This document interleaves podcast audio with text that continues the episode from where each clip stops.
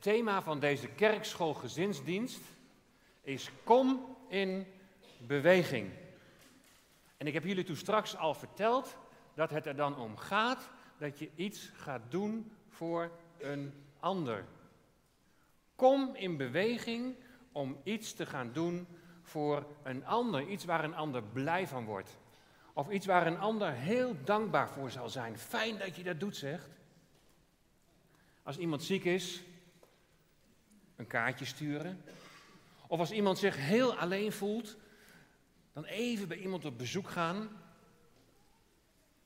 Even helpen bij het opruimen van de tafel na het eten. Een klusje doen bij iemand. In groep 8 hoorde ik, en volgens mij was dat Ralf, klopt dat? Die ging 80 kilometer fietsen voor de Maag, Darm en Leverstichting. Vroeger deed je opa dat en nu ga jij dat doen. 80 kilometer fietsen. Iets doen voor een heel belangrijk, goed doel. Ik was bij groep 1 en 2 en daar was iemand die heel graag andere kinderen ging helpen als ze niet zo goed hun fetus konden strikken. Zo kunnen we op allerlei manieren kunnen we elkaar helpen. Kom in beweging. Nou, er komt heel veel in beweging in dat gedeelte uit de Bijbel dat we net samen hebben gelezen. En we gaan daar met elkaar gaan we daar eens even wat dieper over nadenken. En ik denk dat het niet alleen een boodschap is voor de kinderen, maar ook een boodschap voor de ouderen. En je zult zien dat we hier van dit mooie verhaal, dat we daar vanmorgen iets van kunnen leren. En je kunt misschien best wel bedenken hoe je in beweging kunt komen. Hoe je iets voor een ander zou kunnen doen. Maar de vraag is, hoe ga je dat dan doen? Als je iets gaat doen, durf je dat dan wel? Of weet je niet helemaal zeker of jij dat wel zou kunnen? En als je iets gaat doen, doe je dat dan omdat het moet? Of doe je dat dan omdat je dat heel graag wilt? Maar daar zullen we straks als laatste nog even bij stil gaan staan. Maar eerst als je iets gaat doen, durf je dat dan wel? Of ben je bang dat het niet gaat lukken? De eerste die in beweging komt, en die staat eigenlijk niet in dit verhaal direct, maar de eerste die in beweging komt is de Heere God. Want de Heere God die heeft de Heere Jezus gezonden naar deze aarde. Hij is in beweging gekomen omdat hij zijn zoon naar deze aarde heeft gestuurd. Nou, het was een paar weken geleden nog was het kerstfeest. En wat vieren we met het kerstfeest? Ja, precies, ik hoorde het aan deze kant ook. Dat Jezus is geboren. En het doel was, de Heer Jezus is gestuurd om zijn volk, om het volk van Israël te redden. Om ze te redden van hun zonde, van alles wat ze verkeerd hebben gedaan. En het doel van de Heer Jezus was dat Hij koning zou worden over deze aarde en dat er dan voor altijd vrede zou zijn. Maar dat zingen we ook altijd met kerst, hè? Vrede op aarde. Die kennen jullie toch?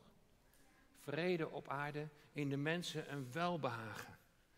Vrede, geen oorlog meer, maar ook geen andere nare dingen meer, zoals honger of, of ziekte. Als Jezus mensen beter maakt, zoals deze verlamde man, dan laat hij alvast zien hoe het straks zal zijn als de Heer Jezus koning is. Straks in, in dat nieuwe koninkrijk, in die nieuwe wereld, daar zal er geen pijn meer zijn, dan straks zal er geen verdriet meer zijn en er zal ook geen ziekte meer zijn.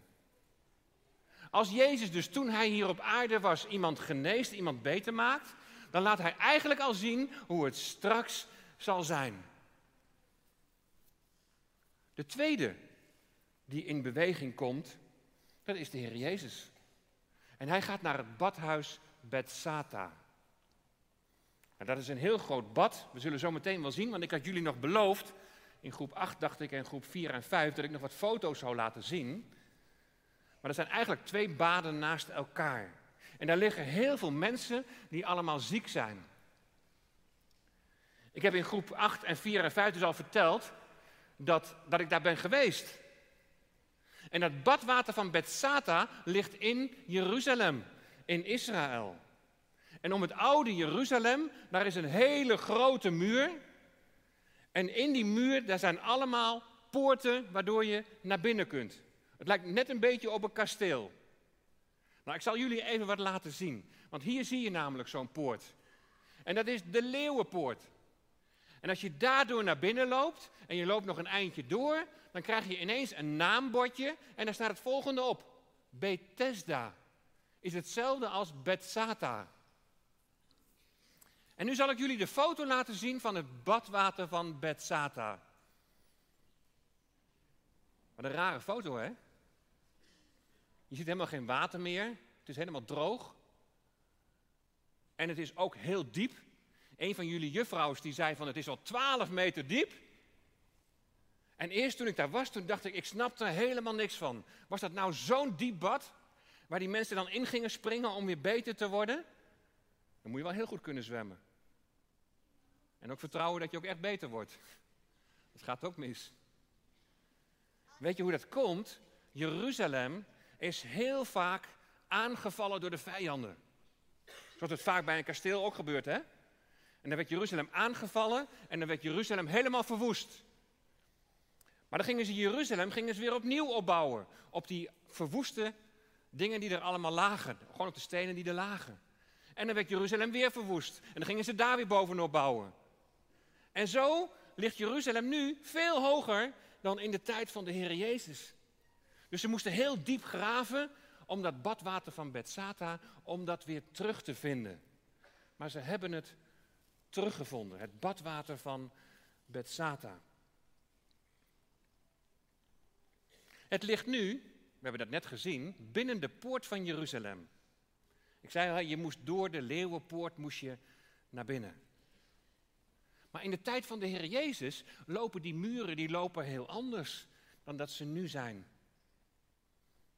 Dat moet je voor zometeen maar eens onthouden, want Jezus, in de tijd van de Heer Jezus, liep die muur anders en was dat badwater buiten de muur. Hoefde je dus de poort helemaal niet binnen te gaan. Nee, maar was buiten de stad lag dat mooie badwater. Nou, hier zie je een foto van hoe het er ongeveer uitgezien moet hebben. Ik heb al in een paar klassen verteld dat uh, in Jeruzalem heb je net zo'n soort Madurodam, zoals wij het ook kennen, waar alles in het klein is. Maar dat is in Jeruzalem ook. En daar hebben ze alles nagebouwd. En daar kun je heel goed zien, het zijn eigenlijk die twee baden daar in het midden. En dan heb je die zuilengangen daaromheen en daar lagen al die zieke mensen. En daar lag natuurlijk ook water in. Maar daar zie je, hé, hey, daar verderop, daar is de pas poort. Dus het badwater van Bethsata ligt buiten de poort. En Bethsata betekent huis van barmhartigheid. Nou, dat is een heel moeilijk woord. Maar jullie kennen waarschijnlijk wel het verhaal van de barmhartige Samaritaan. Ja, hè? Dan ligt die man die ligt langs de kant van de weg. En dan gaat die Samaritaan, die gaat deze man, gaat die helpen. Dus barmhartigheid betekent heel goed iemand helpen. Maar daar hebben jullie het steeds over, hè? in het liedje wat je gezongen hebt, in al die mooie werkjes die we daar zien hangen. Allemaal, we willen iemand helpen. Barmhartig zijn. Heel goed voor iemand zorgen. Medelijden met iemand hebben. En voor iemand willen zijn. De Heer Jezus, die is heel barmhartig. En die wil heel graag voor mensen zorgen. En zo gaat de Heer Jezus naar een man die verlamd is. Een man die niet kan lopen. En hij is al 38 jaar ziek. Dat is een hele lange tijd. Weet je, als je zo'n stukje uit de Bijbel leest, dan komen er bij mij allerlei vragen naar boven. En ik heb een van die vragen in groep 8 ook zo neergelegd van denken jullie daar maar eens over na.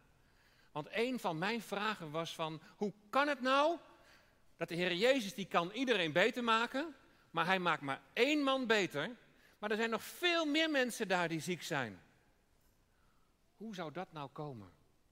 Hoe zou dat nou komen dat de Heer Jezus hier maar één man weer beter maakt? Ik zal jullie proberen het uit te leggen. Het wonder dat hier gebeurt, want er gebeurt een wonder. Hè? Die man die kan helemaal niet lopen en dan zegt de Heer Jezus, sta op en loop. Nou, dat is echt een wonder. Maar er staat hier in de Bijbel dat dat een teken is. En dat betekent dat eigenlijk de Heere God, door de Heer Jezus, wil Hij, door dat wonder te doen, wil Hij de mensen iets leren. Het is een teken. Hij wil de mensen iets duidelijk maken, het volk van Israël. Eigenlijk wil de Heer Jezus steeds weer laten zien dat ze zo lang niet naar de Heere God hebben geluisterd. En daardoor, doordat ze niet naar Hem luisteren, doordat ze niet op Hem kijken, komen ze ook niet in beweging. Tenminste, gaan ze geen dingen doen voor Hem. Maar daar moet verandering in komen, zegt de Heer Jezus. En de Heere God wil een nieuw begin maken met zijn volk. En dat ze echt weer voor Hem gaan leven. Lang wilden jullie niets van mij weten, zegt God, maar ik ga jullie redden. En Jezus heeft dit wonder, dit teken gedaan, opdat de mensen zouden gaan geloven dat Hij de Zoon van God is. Dus het gaat niet alleen maar om dat wonder, hoe mooi dat ook is, maar ze moeten gaan begrijpen wat Jezus ermee wil zeggen. Daar gaat het eigenlijk om. Er zit een boodschap in, ook voor ons vanmorgen. En als je op die manier naar het verhaal van Betsata gaat kijken, dan begrijp je in ieder geval waarom er maar één man wordt genezen. Ik denk ook dat ze niet zomaar zeggen dat deze man 38 jaar ziek is. Ik zal jullie eens meenemen naar een verhaal uit het Oude Testament. Kijk, hier zie je hem nog de zieke liggen hè, bij het badwater van Betsata. Ik ga jullie meenemen naar een verhaal uit het Oude Testament, wat jullie denk ik wel kennen. En dat verhaal gaat over twaalf verspieders. Tien waren slecht en twee waren precies. En die twaalf verspieders die moesten alvast in het beloofde land gaan kijken van hoe zal het daar zijn? En kunnen we dit land veroveren? En dan komen die tien, die komen terug en die denken van niet aan beginnen. Heb je die mensen daar wel gezien? Dat zijn mensen, dat zijn als reuzen. En heb je die steden daar gezien met die hele hoge muren eromheen? Daar komen we nooit overheen. Die kunnen we nooit veroveren. We kunnen dat nooit doen. Maar twee verspieders die zeggen maar, weet je, je moet op God vertrouwen. En ze komen terug met prachtige druiventrossen. Je moet op God vertrouwen dat Hij zal helpen. Maar het volk luistert niet naar die twee goede verspieders. En als straf, wat gebeurt er dan? Dan moeten ze nog 38 jaar door de woestijn lopen. Hé, hey, 38 jaar. De verlamde man die zei tegen de Heer Jezus, toen de Heer Jezus hem vroeg van wil je beter worden, hij zei ik heb geen enkele kans om in het water te komen. De tien verspieders die zeiden we hebben geen enkele kans om in dat beloofde land te gaan komen, om het in te nemen. Eigenlijk precies hetzelfde. Ze durfden niet omdat ze dachten dat ze het zelf moesten doen. Die reuzen verslaan, over die hoge muren klimmen. Ze durven niet verder. Ze zijn eigenlijk een beetje als deze verlamde man. Die ook denkt dat hij op eigen kracht in dat water moet komen. Die heeft ook geen geloof meer dat het nog goed gaat komen. Hij denkt vooral aan andere mensen die hem moeten helpen. Maar hij denkt niet aan de Heere God. Dat is precies wat de Heer Jezus ons vanmorgen wil leren. Jullie vertrouwen niet meer op God. Wat kunnen we hiervan leren? In beweging komen kan soms best wel heel moeilijk zijn. Iets voor een ander doen is lang niet altijd gemakkelijk. Want als er iemand ziek is en je gaat een kaartje sturen, ja, wat schrijf je daar dan op?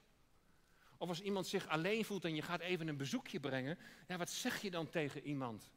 Of je moet een klusje doen van, ja, zou ik dat wel kunnen? Gaat me dat wel lukken? En dan ben je misschien helemaal niet zo zeker. Wat we hiervan kunnen leren is dat we met de Heer Jezus in beweging moeten komen. Dat we moeten leren om op de Heer Jezus te vertrouwen dat Hij ons, dat Hij jou zal helpen. Als je dan iets voor een ander gaat doen, dan zou je eerst kunnen gaan bidden. En dan zeg je tegen de Heer Jezus, u weet dat ik dit zo moeilijk vind, maar ik ga het wel doen, maar wilt u mij helpen? Wilt u mij helpen met wat ik moet doen? Als je niet weet hoe je iets moet doen, of je weet niet zeker of je het niet kunt, en je vraagt geen hulp van de Heere God, ja, dan gebeurt er misschien wel 38 jaar niks.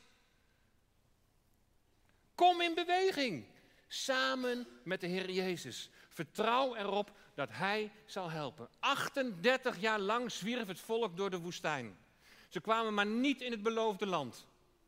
En wie leidt ze dan in het beloofde land? Dat is Jozua.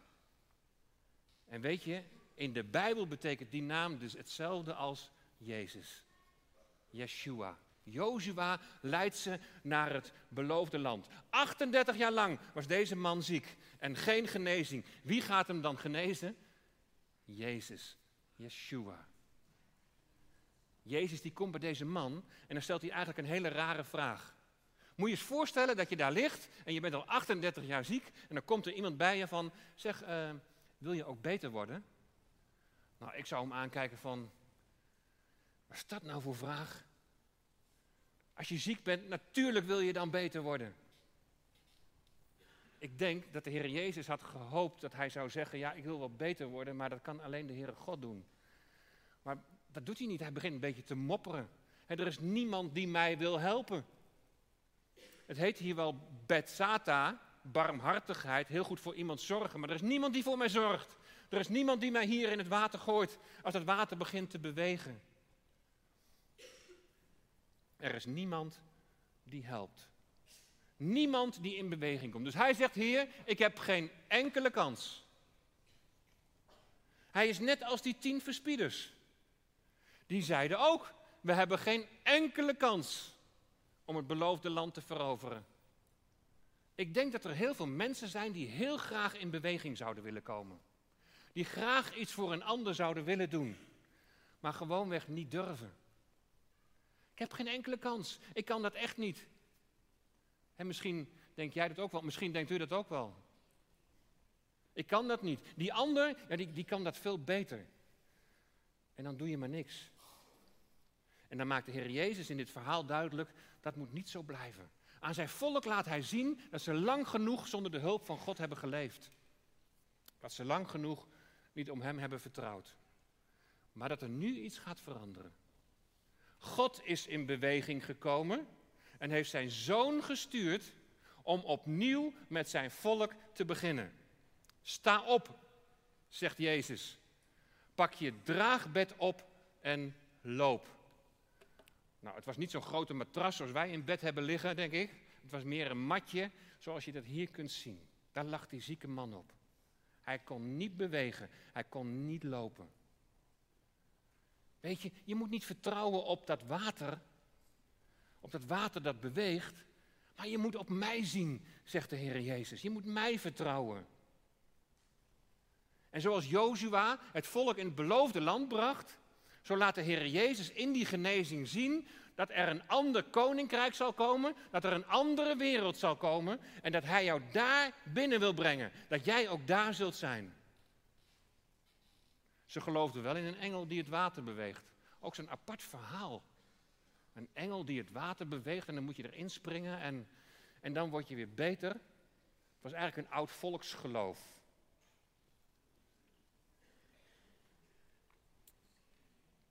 Bij een engel moet ik denken aan de wet die God gaf aan zijn volk. Allemaal regels waar het volk zich aan moest houden. Dit moet je wel doen, dat mag je niet doen. Die regels die heeft de Heere God via zijn engelen, heeft hij die aan het volk gegeven. En ze komen er al snel achter. Dit zijn zulke moeilijke regels, daar kunnen we ons nooit aan houden. Want je doet altijd wel eens iets verkeerds, tenminste ik wel. Jullie niet? We doen altijd wel eens iets verkeerd, hè? Dat we juist niet doen wat de Heere God graag wil. Nou, in de tijd van de Heer Jezus was die wet heel belangrijk. Ze moesten zich aan de regels houden, maar vooral omdat het moest. En de, en de geestelijke leiders, de fariseeërs, die bedachten er nog allemaal regels bij. Je moest je aan de regels houden omdat het moest. Eigenlijk omdat ze bang waren voor God. Stel je voor dat ik iets verkeerd doe. Dan gaat hij mij straffen. Zo kun je ook iets voor een ander willen doen. Dat je denkt van ja, het moet. Eigenlijk wil je het helemaal niet. Eigenlijk heb je er helemaal geen zin in.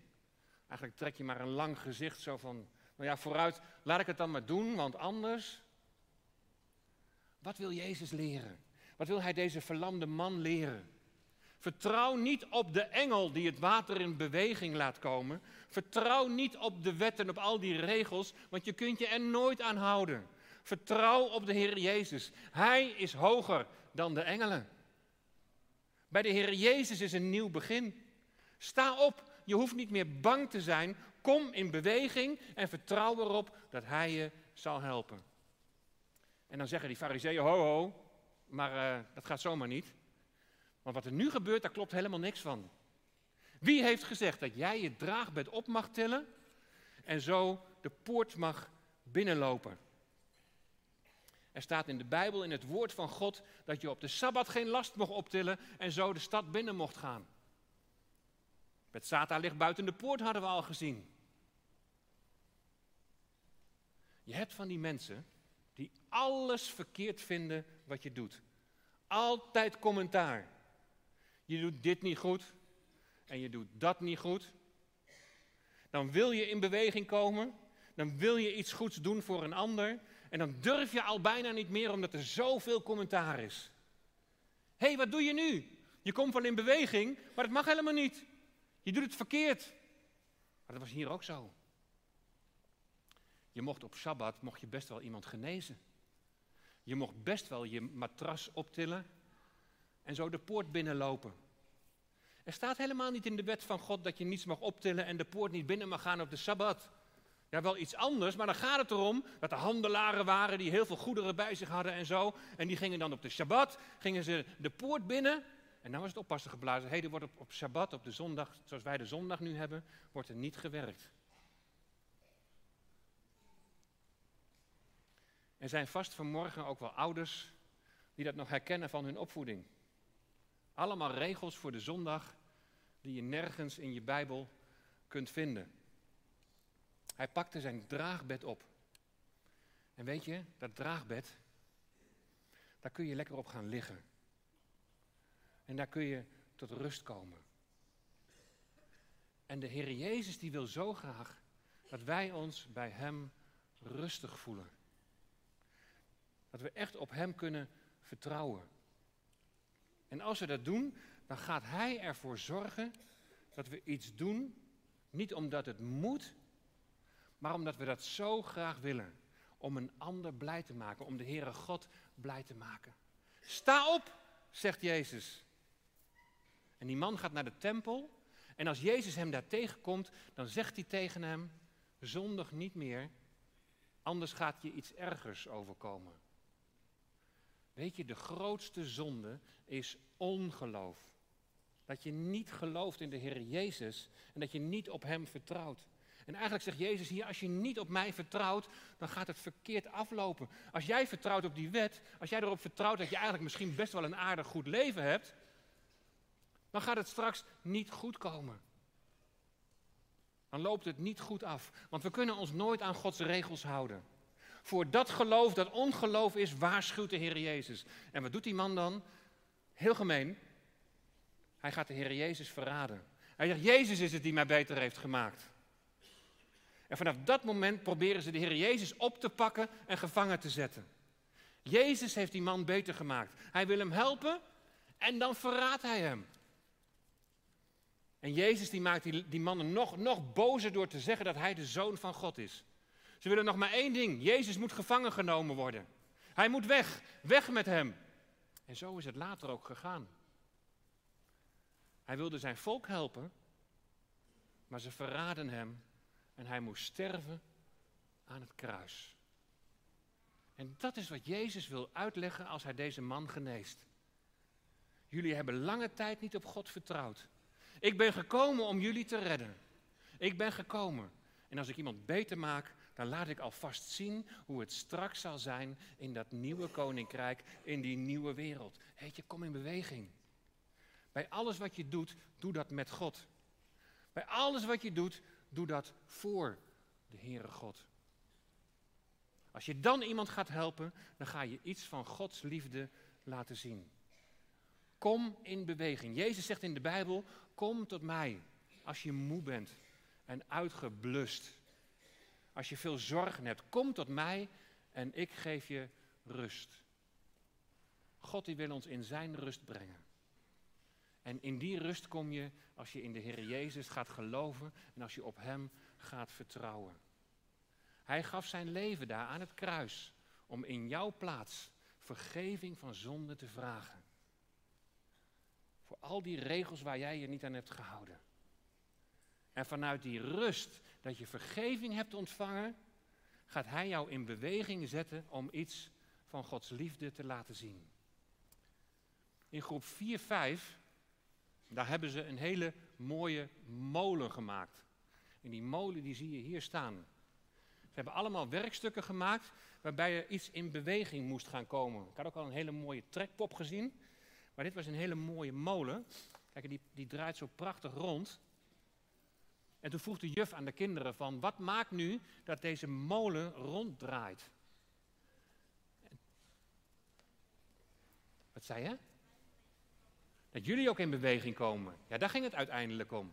Maar deze, deze molen komt in beweging als de wind is. Hè? Als de wind er tegenaan waait, dan komt deze, komen deze wieken die komen in beweging. En ik heb jullie toen uitgelegd dat in de taal van de Bijbel dat wind ook geest betekent. De Heilige Geest. Wie in Jezus gelooft, ontvangt de Heilige Geest. En de Heilige Geest binnenin jou, die gaat ervoor zorgen dat je niet meer dingen gaat doen omdat het allemaal maar moet. Maar dat je dingen gaat doen omdat je het zo fijn vindt om te doen. Dat je het fijn vindt om iemand anders blij te maken. En dat je het fijn vindt om voor iemand anders te zorgen. Dan doe je niet iets omdat het moet, maar omdat je iets heel graag wilt. Dan ben je niet bang omdat er iemand is die jou wil helpen. Amen.